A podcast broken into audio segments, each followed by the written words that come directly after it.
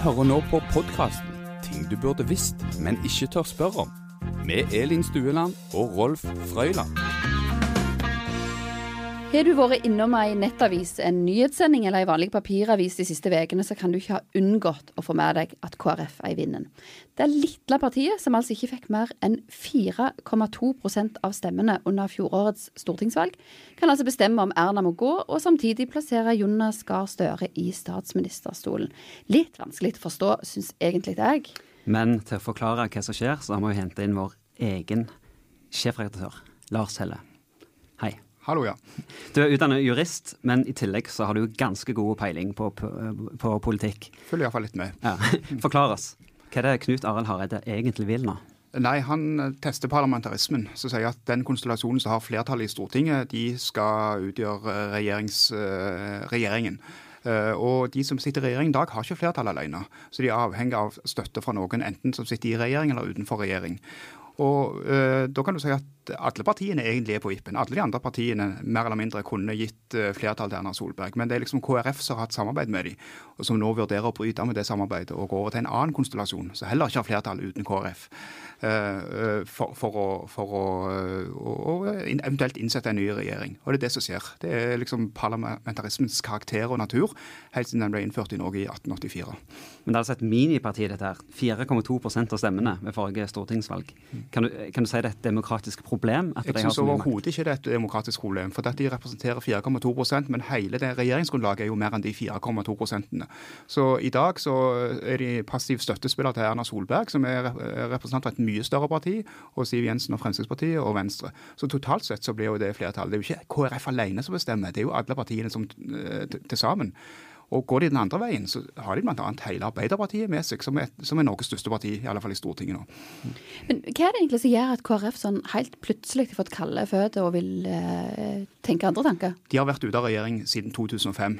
De er trøtte og leie av det. De har prøvd eh, å være konstruktive i opposisjon og som samarbeidende posisjonsparti. Eh, det virker ikke lenger.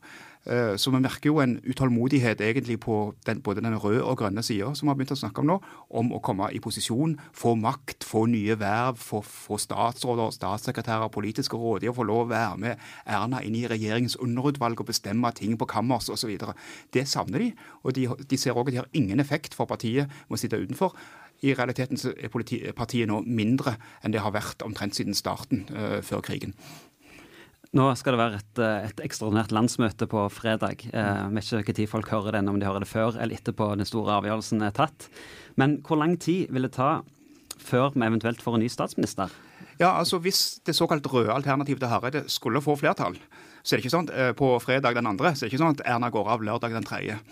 Det er igjen parlamentarismen som kommer til å inntre. Erna må få et nederlag i Stortinget. Altså Teoretisk sett kunne hun gått på, på, Stortingets talerstol på mandag og sagt at jeg tror ikke jeg kan fortsette, og vi må få en ny regjering. Men hun kommer til å vente til hun får nederlag i en så, sak som er så viktig at regjeringen ikke kan sitte. Det kan f.eks. være statsbudsjettet. Det kan være Det har vært mye snakk om denne objektsikringssaken og regjeringens terrorberedskap, eller andre viktige saker. Eh, det, kan, det betyr at det kan gå minst en måned. Og så må hun gå til kongen, og så må hun anbefale anbefale en annen, så må eh, den, som da er Jonas Gahr Støre, sitte og se om han klarer å stable på sammen en, en, en regjering, osv. Samtidig, hvis KrF går for et, et alternativ, rødt alternativ, så sier de ikke at vi går for et rødt alternativ. De sier de skal starte sonderinger med et rødt alternativ. Og Det betyr at de må sette seg ned med Jonas Gahr Støre og se om de kan få en plattform som de, er, som de kan stå for. Og så igjen, parlamentarismen, går dette til stortingsgruppa, hvor de har åtte stykk. Og hvor egentlig fem av de er blå eller blågule. Mm. Uh, men de må, de må, bli presentert for en, for en, plattform som de kan gå god for. For det er til syvende og sist de som skal stemme i Stortinget og gå inn for dette her. Så det er ikke sånn at det, uh, det er bare et knips på fredag. Uansett hva som skjer, så, så er dette avklart. Og det ikke bare Arbeiderpartiet, de må vel ha støtte i Nei, og igjen, da, De vil plassere andre partier i, i, i, den rollen KrF har nå. Altså Det KrF selv ser for seg, det er at Arbeiderpartiet og Senterpartiet og KrF kan danne en regjering. Den blir like sterk eller like svak som dagens regjering. Den har ikke flertall. Så de må i første omgang basere seg på at SV er enige. Og SV vil jo ikke KrF ha med i regjering. Eh, og så tror jeg kanskje at eh, SV kommer til å gjøre seg kostbare og si at enten skal vi være med i regjering, eller så må vi få ganske stor innflytelse på politikken. Og så eh, kan det bli vanskelig. Så er det vel et religiøst element inni det her, så de står ganske langt ifra hverandre? De, særlig på religiøse ting og på en del verdispørsmål. Men de har ganske mye de kan bli enige om i, i, i andre typer spørsmål, som sosialt engasjement osv. De har også, der de òg skiller hverandre, det er dette her med eh, frivillige organisasjoner og det private, private initiativ. Eh, KrF er bl.a. ganske sterkt for friskoler, mens eh, SV og til dels Arbeiderpartiet har en litt annen holdning både til det og andre typer kjøp av private til offentlige tjenester. Men sånn som du ser det, hvor, hvor, mange av sakene til KrF hører til på den røde, og hvor mange hører til på den blå sida? Altså prosentvis, hvilken retning går de mest? Jeg får lyst til å være, bli KrF-politiker selv og si at vi er sentrum og vi går begge veier. Men, men, jeg ser at noen har gjort den øvelsen. Og NRK har bl.a. Eh, gjort et eksperiment som viser at KrF vil få muligens få gjennomslag for litt flere saker hvis de går til den røde sida. Uh, det, men det, ikke, jeg har ikke sett hele den undersøkelsen, vet ikke hvor mange saker det har gått igjennom. Men, men vi har jo bl.a. ting som handler om sosialomsorg, barnetrygd og den type ting. Hvor de kan få godt gjennomslag der. Og så er det dette her med uh, friskoler, uh, verdispørsmål som f.eks. Uh, abort, bioteknologi og den type ting som kan være vanskelige. Men et engasjement, et felles engasjement for de svake, eh, eller som minner om hverandre, det, det, har de jo. Det vil sikkert de på blå side òg si de har, men, men, det ligner nok kanskje mer på hverandre det KrF, SV, Sp og Arbeiderpartiet har. Det dukket opp et alternativ nummer tre. Ja. Å fortsette i opposisjon. Mm. Hvor sannsynlig er det? Det er faktisk mer og mer sannsynlig. Jeg tror at det gule alternativet til Hans Fredrik Røvan kommer til å blir meget aktuelt. Og det er òg diskusjon om det skal få en litt annen rolle i denne avstemningsrekkefølgen. Mm. Og det er jo også sånn at Hvis rød eller blå side lider nederlag, så det kan godt være at mange av de subsidiært heller vil følge Grøvan-linja. Og så sier ikke Grøvan at de får alltid skal gå i, uh, være, i, være, i, altså, være et støtteparti og stå utenfor.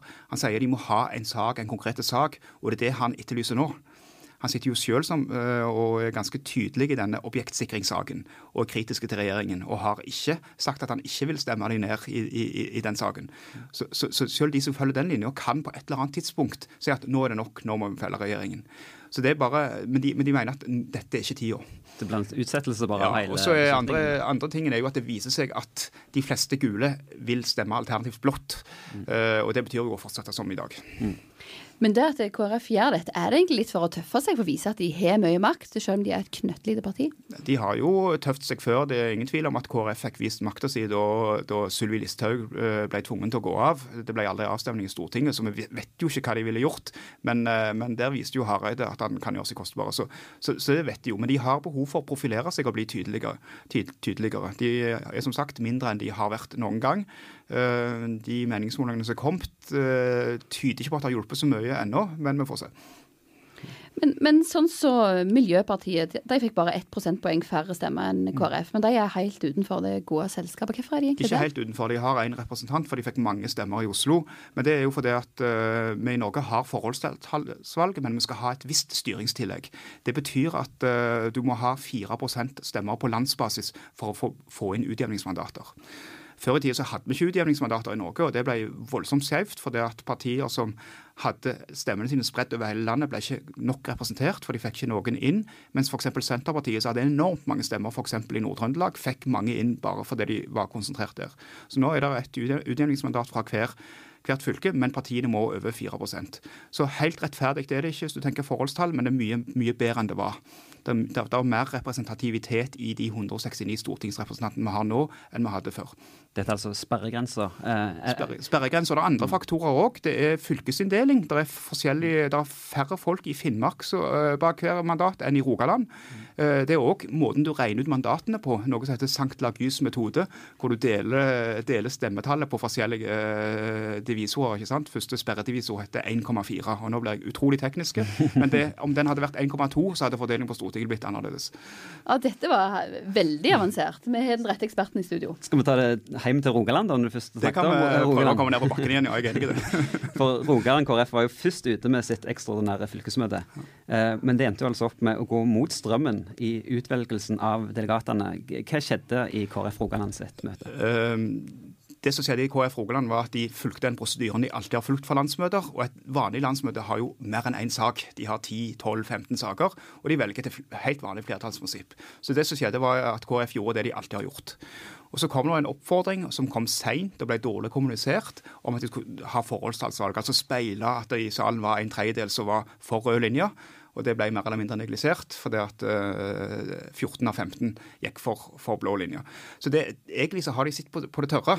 Uh, og så så folk at det ble skjevt, og Rogaland var først. Sånn at de andre fylkene etterpå har valgt å først finne ut hvem er for rødt og hvem er for blått, og så har de lagt ei liste for de røde og ei for de blå, sånn at de har fått en noenlunde forholdsvis fordeling. Mm. Men det er, ikke, det er ikke, Altså, hva er rettferdighet?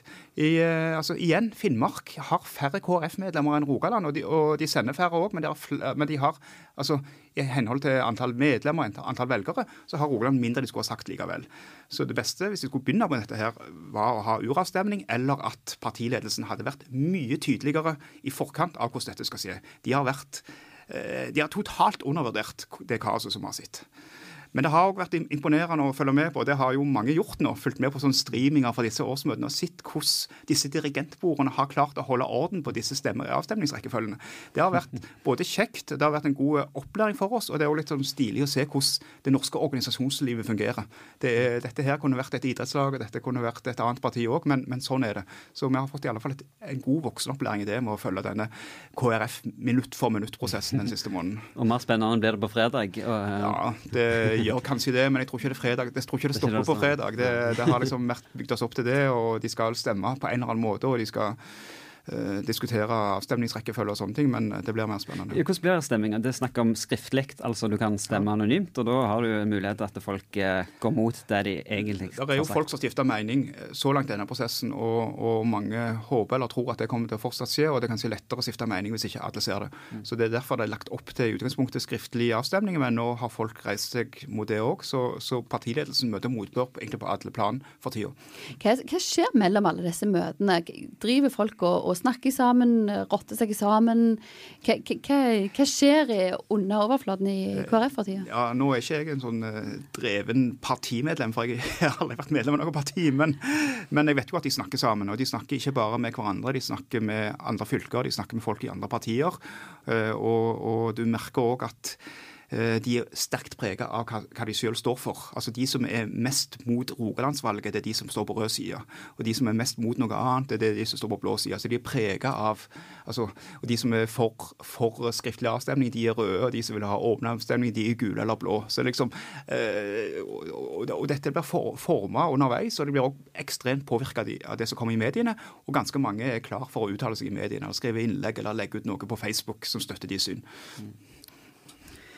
Måten Rogaland gjør det på, det, kan du sammenligne det med måten de velger president på i USA, kanskje? At, ja, altså amerikansk president blir valgt uh, med flertallsvalg i, i, med valg, valgmenn, og, og, og, the winner takes it all i hver stat, unntatt én, tror jeg. Mm. Og, og, Det betyr at hvis du får 51% av stemmene i én stat, så får du alle valgmennene. Mm. Og Det kan føre til, fordi at stat hver stat har litt forskjellig uh, antall valgmenn. At, at, en stat som er underrepresentert, ikke blir hørt godt nok. Og Vi så jo det. Trump hadde færre stemmer enn Hillary, Hillary Clinton, men hadde mange flere valgmenn. Uh, men, men allikevel så kan du ikke si at det ikke er demokratisk, for det er sånn amerikanerne vil ha det. Det er sånn de har det i England òg. De har det de setter flertallsvalg i enmannskretser, som gjør at du kan få rent flertall i parlamentet med 37% av stemmene. Når engelskmennene hadde folkeavstemning om å endre valgloven eh, for fire-fem år siden, så sa engelskmennene nei til det. Så, så, de er fornøyd med det. Så kan liksom ikke si at flertallsvalg er verre enn forholdstallsvalg. Men i Norge passer det bedre, for vi, for vi vil ha mange partier. Det er òg en av grunnene til at KrF skal ha noe å si. Hvis vi ville hatt færre partier, så hadde folk bare stemt på to partier. Men de stemmer på åtte, ni, ti. Og sånn vil vi ha det her. Og da er det opp til politikerne å ordne opp i det. Men det hadde jo vært enormt mye enklere å bare hatt eh, høyre og venstre. Altså hun valgte bare to forskjellige fløyer. Jeg hadde jo det fram til 84, vel så det. Men, men, sånn vil ikke folk i Norge ha det. Der er, der er plass til flere partier. Og det er jo det som gjør den norske politikken eh, litt kul. Og derfor òg vi kanskje har de forholdstalsvalgene. At vi, det har vært annerledes. Vi har hatt flertallsvalg i enmannskretser i Norge òg fram til begynnelsen av, av 1900-tallet.